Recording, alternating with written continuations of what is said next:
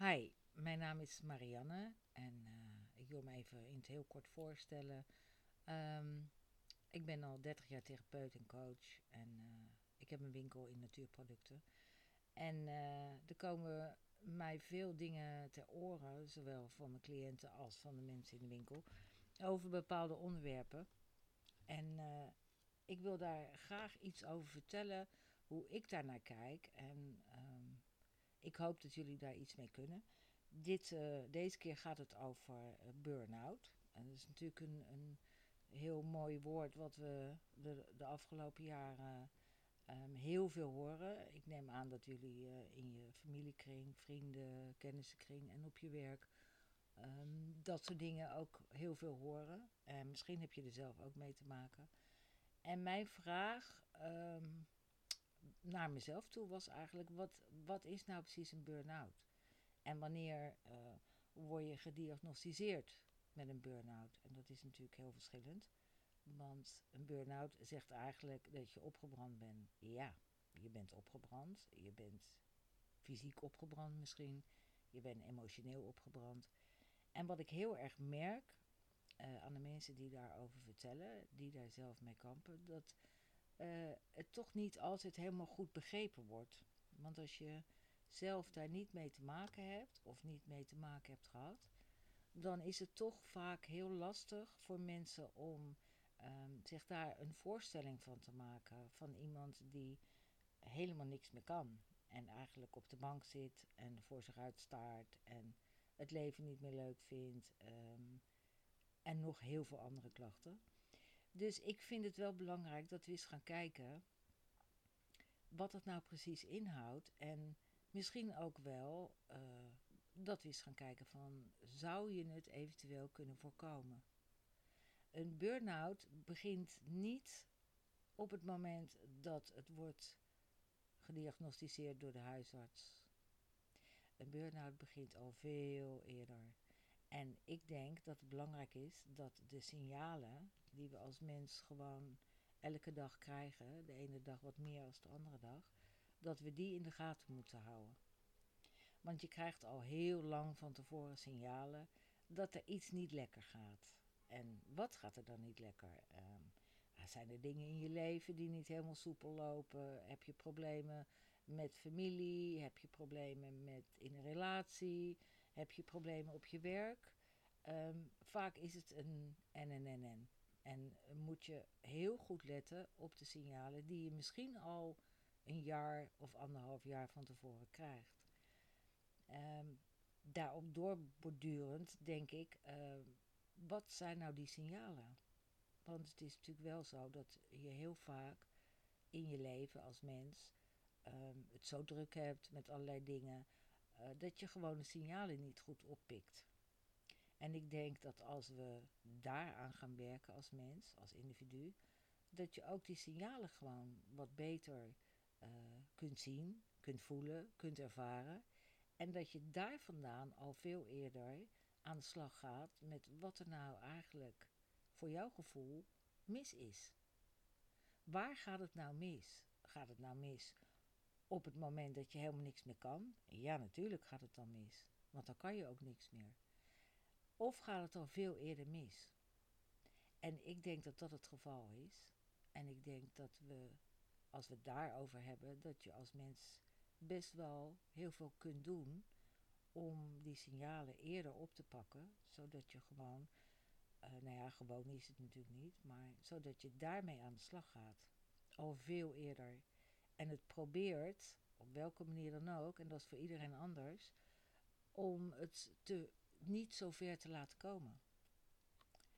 Totdat je helemaal thuis zit en uh, maanden uit de relatie bent.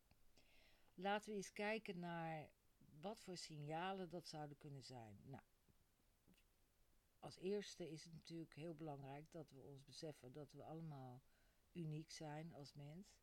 En dat bij de ene het signaal uh, heel anders kan zijn als bij de andere mens.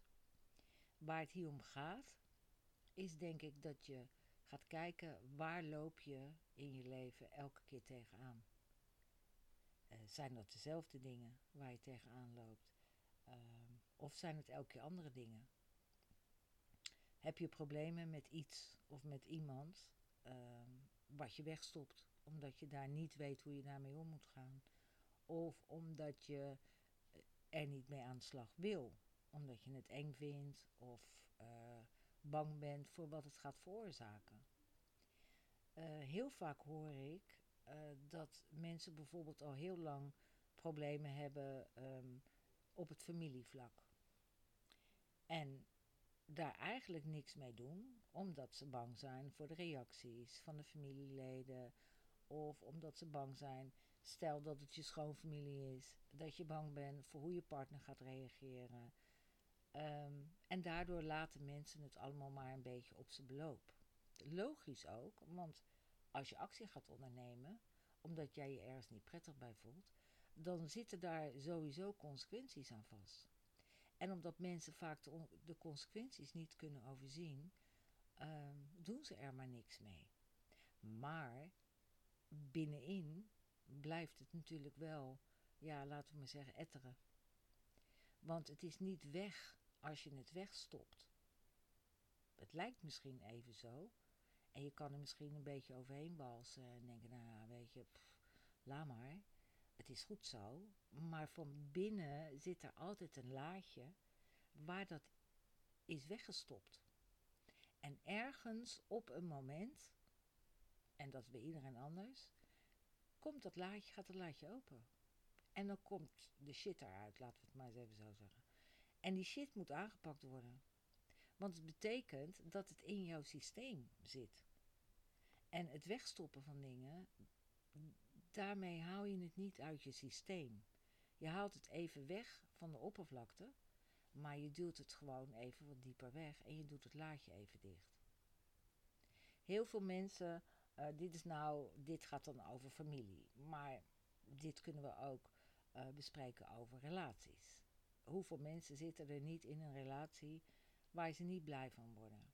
Maar door allerlei angsten, door allerlei dingen uh, waar, ze, waar ze eigenlijk niet mee aan de slag willen, uit angst voor de consequenties, um, laten mensen het maar een beetje op.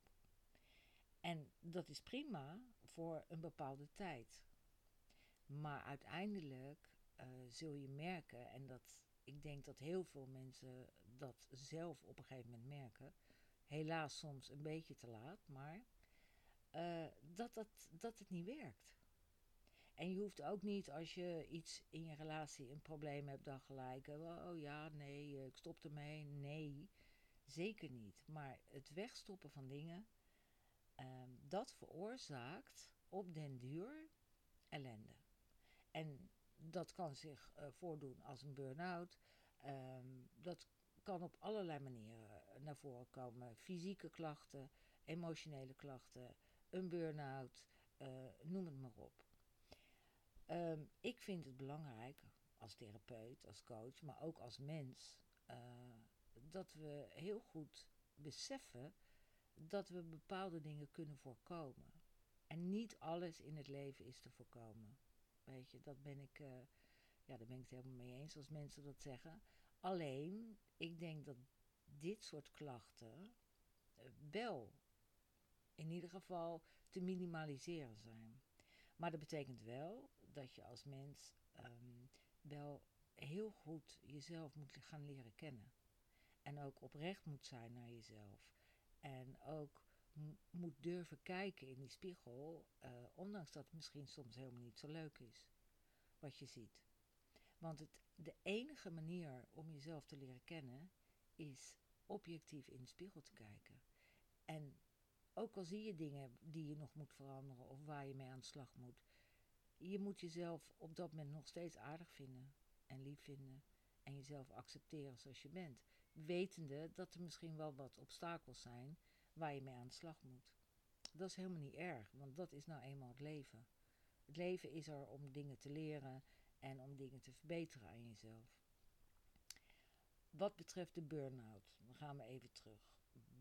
De burn-out is een, een, een vorm van zowel fysieke als emotionele klachten. En dan kun je zeggen, ja, wat was er eerst? Zijn er nou eerst de fysieke klachten waardoor je emotioneel helemaal in de klit gaat? Of is het emotioneel eerst helemaal uit balans, waardoor je fysieke klachten krijgt? Want we moeten ons er wel bewust van zijn dat het fysieke en het emotionele altijd met elkaar in verbinding staat. Altijd. En we herkennen het soms niet. We willen er ook soms niet aan. Maar het een staat niet los van het ander. En op het moment dat jij emotionele problemen hebt, of dat je stress hebt, of dat je je verdrietig voelt, of gekwetst, of nou, kan van alles zijn, dan op den duur, als je daar niet op de juiste manier mee omgaat, krijg je dus ook fysieke klachten. Andersom, als je fysieke klachten hebt, in welke vorm dan ook, en dan zou een gekneusde darm wat an, uh, duim wat anders zijn dan uh, last van je darmen. Maar uiteindelijk gaat het je emotioneel ook iets doen. En op het moment dat je fysiek uit balans bent, raak je vanzelf, of misschien wel tegelijkertijd, ook emotioneel uit balans. En vice versa. Want van emotionele disbalans krijg je fysieke klachten. Je bent niet goed geaard, je functioneert niet goed. Um, nou ja, een scala aan klachten um, als je emotioneel uit balans bent. En dat geldt ook voor het fysieke stuk. En dat houdt elkaar in evenwicht. Maar het is wel een disbalans. En dan zit je in een visieuze cirkel waar je eigenlijk bijna niet meer uitkomt. Omdat er voor jouw gevoel nergens een klein gaatje in die cirkel is waar je uit kan ontsnappen. En dat maakt het dan weer dat je daar emotioneel van raakt. Want hoezo? Uh, ik was altijd zo'n uh, fit mens en ik kon altijd alles. En nu kost het, uh, lopen naar de voordeur kost me al moeite. En ik heb paniekaanvallen en ik heb hyperventilatie en ik slaap slecht. En je wordt er dus onzeker door. Ik denk dat het heel erg belangrijk is dat we als mens um, naar onszelf durven te kijken. En ga voor jezelf eens na of dat er op dit moment, als je nog niet met een burn-out gediagnosticeerd bent, ga eens na om te kijken wat speelt er in mijn leven. Zijn er dingen die ik opzij zet, in het laadje duw? Of ga ik echte dingen aan, met alle consequenties van die natuurlijk. Maar het in het laadje doen heeft namelijk ook heel veel consequenties. Alleen als wij het wegduwen, ja, dat is een beetje mens eigen. Weet je, als iets vervelend is of iets naar of ja, weet je, dan duwen we het liefste weg. Zodat we er niet mee geconfronteerd worden. Maar de consequenties daarvan zijn vaak veel groter, in welke vorm dan ook, dan de consequenties als je er wel mee aan de slag gaat. Het is vaak de angst voor de consequenties als je met bepaalde stukken van jezelf aan de slag gaat, die mensen doet besluiten om het maar niet te doen. En dat merk ik natuurlijk nu al 30 jaar in mijn praktijk. Uh, zodra je mensen een beetje begeleidt in dat proces, van joh, het maakt niet uit als je weer een beetje een terugval hebt, maar ga wel kijken naar jezelf. Wat voor soort mens wil je nou eigenlijk zijn? En dat hoeft niet te zijn dat je dat voor elkaar krijgt. nee, maar je moet wel. Desnoods zet je het op papier. Ik wil zo'n mens zijn met zulke eigenschappen. En elke keer als je merkt dat je daaraan voorbij gaat, dan pak je dat papiertje erbij en dan kijk je daar even naar. En dat is niet zo van, oh, dat doel moet ik bereiken, maar het is wel een soort pad naar dat doel. Want je wil eigenlijk een oké mens zijn. Zodat je met jezelf door één deur kan, dat je in de spiegel kan kijken en kan zeggen van nou, ik heb er alles aan gedaan om voor mij als uniek mens een goed mens te zijn. Voor jezelf en daardoor ook voor anderen. Want op het moment dat je zelf niet in balans bent, ben je ook niet in balans naar anderen toe.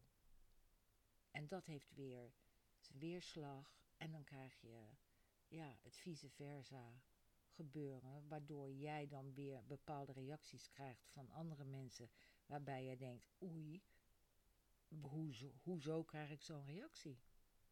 Nou, dan moet je eerst bij jezelf naar binnen, om te kijken, zit er bij mij nog wat?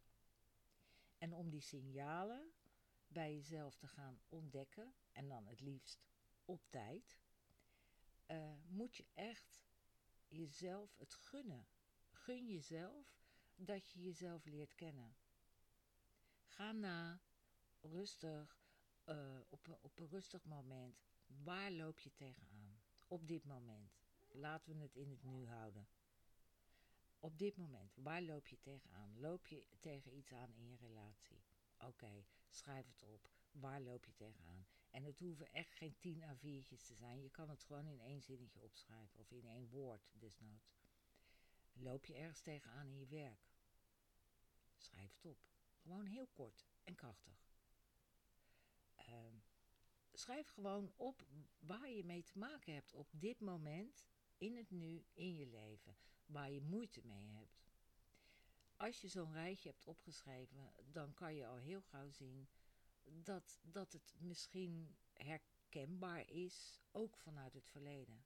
Dat je in het verleden ook tegen dit soort dingen bent aangelopen. Daarna kun je jezelf afvragen: hoe komt het dat ik daar nog steeds tegenaan loop? Hoezo komt het dat ik daar zo moeite mee heb?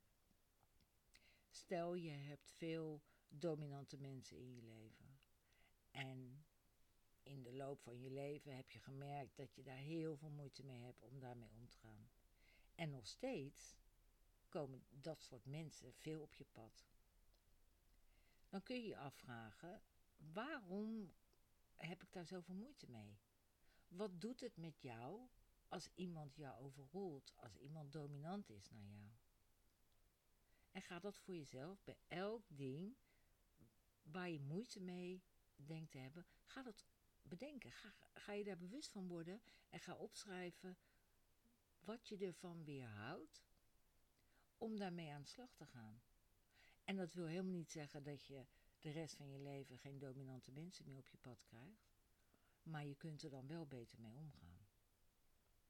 En een burn-out betekent eigenlijk ga aan de slag met de stukken waar je al misschien wel het grootste gedeelte van je leven tegenaan loopt.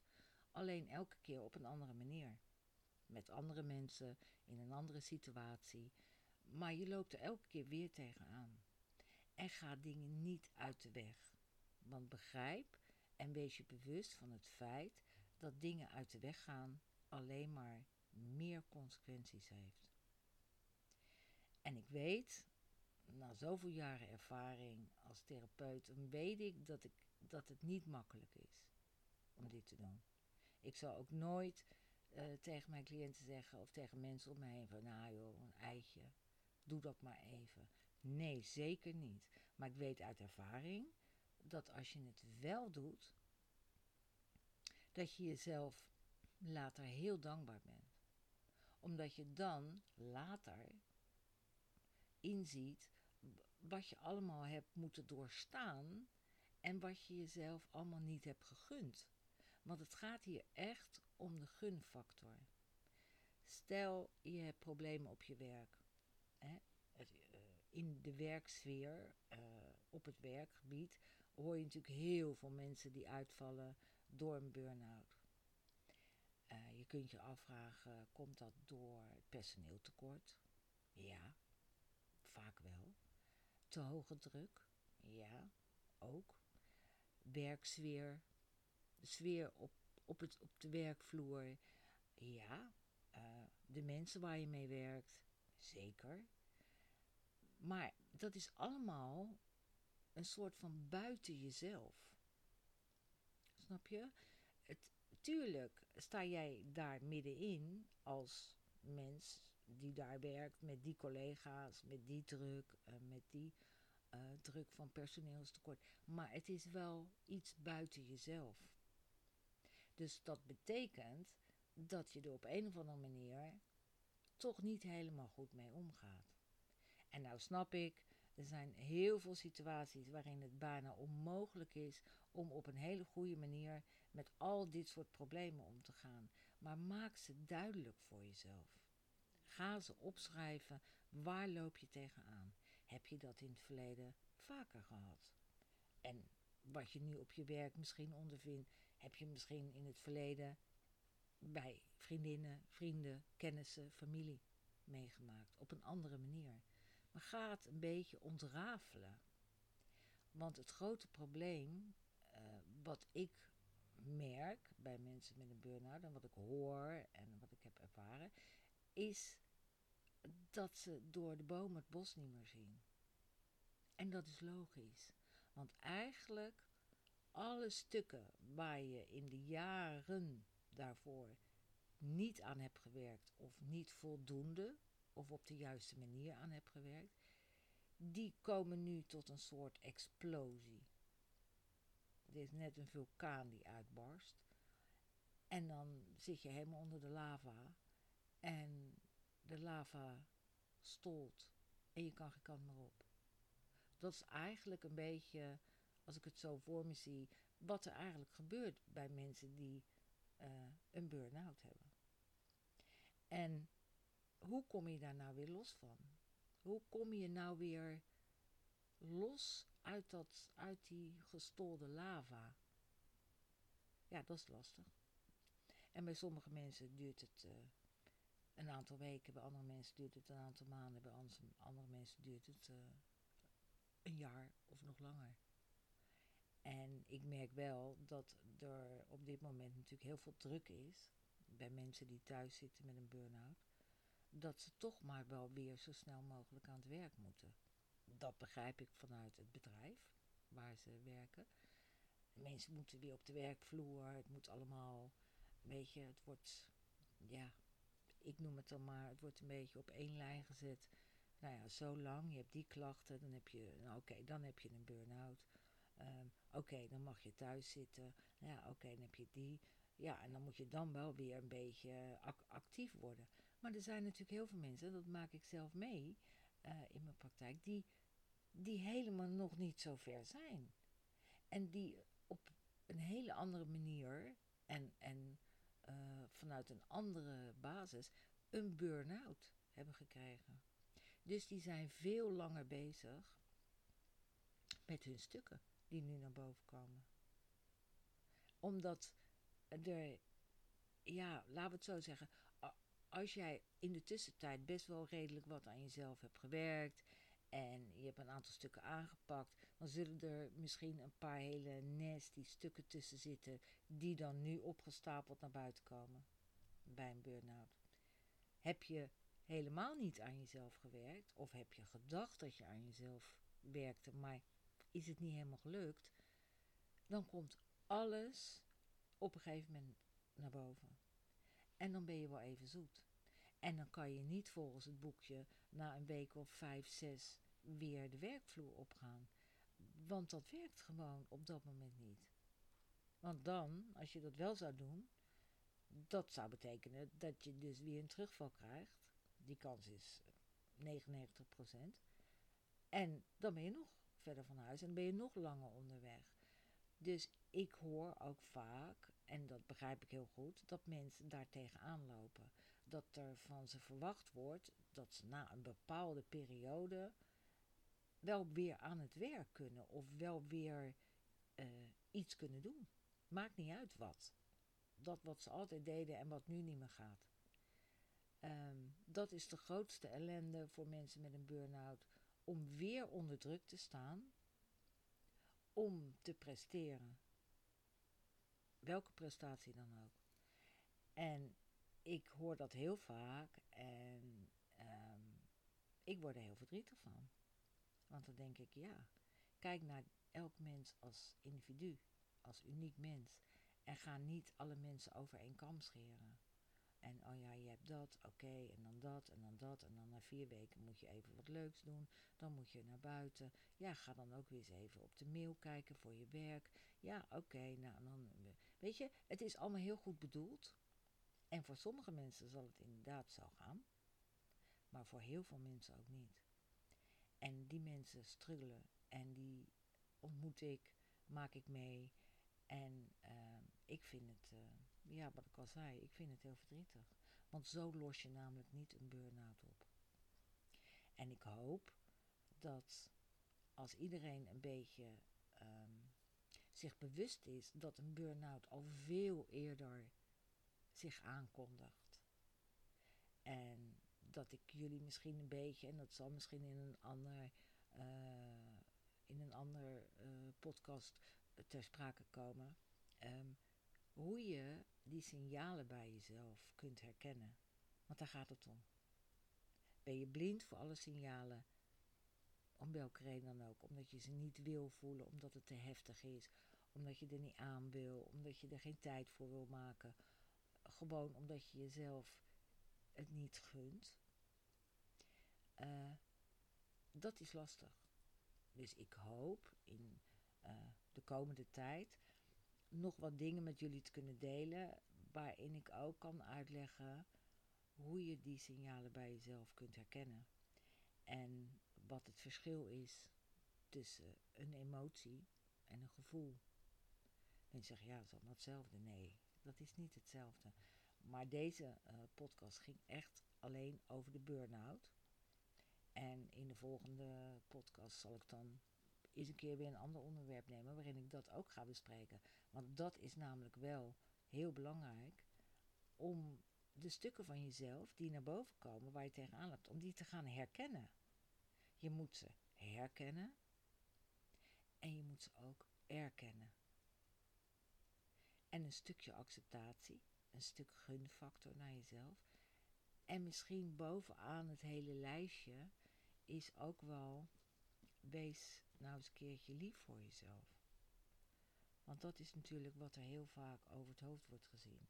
Mensen zijn heel veel bezig met anderen, met te luisteren naar wat anderen willen, wat anderen van hun willen, maar ook de behoeftes van anderen, van familie, van je relatie, van je partner, van je kinderen, van je werkgever, van je collega's. Mensen zijn heel erg bezig met het goed doen voor de ander.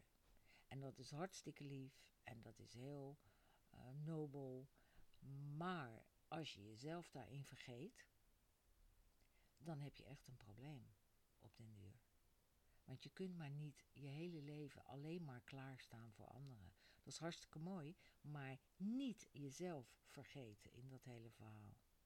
En dat zie ik heel vaak gebeuren, dat mensen heel erg bezig zijn met hun omgeving en daar moet het goed zijn en ze moeten een goede moeder of vader zijn en een goede partner en een goede uh, uh, werknemer en ze moeten collega's, het moet allemaal heel sociaal en ze hebben een heel druk programma, want dat moet allemaal, er moet nog gesport worden en er moet allemaal overal op gelet worden. En dat is, dat is helemaal mooi, maar niet als het ten koste gaat van jezelf. En 9 van de 10 keer, hoe vervelend dat ook is om te zeggen, gaat het ten koste van jezelf. Je, je, je cijfert jezelf weg. En heel vaak als ik dat tegen mensen zeg, zeg ik, nou weet je, je moet jezelf niet weg. Nee, maar dat doe ik niet. Nee, nee, nee, dat doe ik niet. Ik denk ook wel aan mezelf. En dan ga ik wat verder doorvragen en dan blijkt dat ze helemaal niet aan zichzelf denken. Ooit heeft iemand iets tegen mij gezegd en die verklaarde ik toen voor gek. Nou ja, niet persoonlijk, maar in mijn hoofd dacht ik, nou ja, waar slaat dit op? Um, jij hoort altijd bovenaan je eigen lijstje te staan. En ik weet nog dat ik naar die meneer keek en dat ik dacht, waar heb je het over? Ik sta toch bovenaan mijn lijstje? Nou, um, 20, 30 jaar later weet ik dat dat niet zo was. Maar daar ben ik in de loop van mijn leven achter gekomen. En ook op harde manieren. En ik ben vaak op mijn gezicht gegaan. En weer opgekrabbeld. En weer op mijn gezicht gegaan. Uiteindelijk kom je er later achter dat, dat die man inderdaad. kwam ik erachter dat die man inderdaad gelijk had. Ik stond helemaal niet. Ik was helemaal niet aanwezig op mijn lijstje. Eigenlijk, besefte ik jaren later.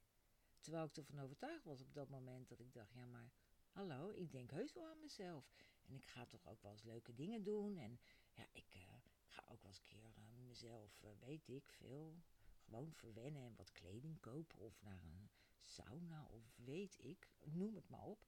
Ik dacht echt, echt dat ik dat deed. En dat ik zeker bovenaan mijn lijstje stond. En als je dan uiteindelijk na jaren erachter komt dat je helemaal niet op je lijstje voorkomt, ja, dat is dan wel een beetje harde dobber. Want dan blijkt dat je het gewoon totaal niet goed had ingeschat. En dat je bepaalde dingen gewoon niet hebt willen weten. Om welke reden dan ook. En je hebt ook niet gehandeld vanuit je gevoel, om welke reden dan ook. Soms heb je een gevoel en denk je, ja, ik zou eigenlijk dat moeten doen. Dan komt je ratio erbij en die zegt, ja, ho even. Als jij dat doet, ja, maar dat kan maar niet zomaar. Want je moet daar en daar en daar en daar rekening mee houden. Nou, weg is dat gevoel. En dan ga je dus heel vaak niet handelen naar wat je voelt. En dat is onzeker. I know. Het is een hele onzekere basis. Je hebt eigenlijk geen basis meer, want je doet iets weg. Eigenlijk terwijl je niet weet wat er voor terugkomt. Uh, alle praktische dingen zijn heel onzeker. Dat weet ik. Heb ik ook zelf meegemaakt. Alleen uh, het resultaat uiteindelijk, als je daar een beetje vertrouwen in je eigen gevoel kan krijgen, dat is, uh, ja, dat kun je eigenlijk niet bedenken als je er nog middenin zit. Maar dat is het echt wel waard.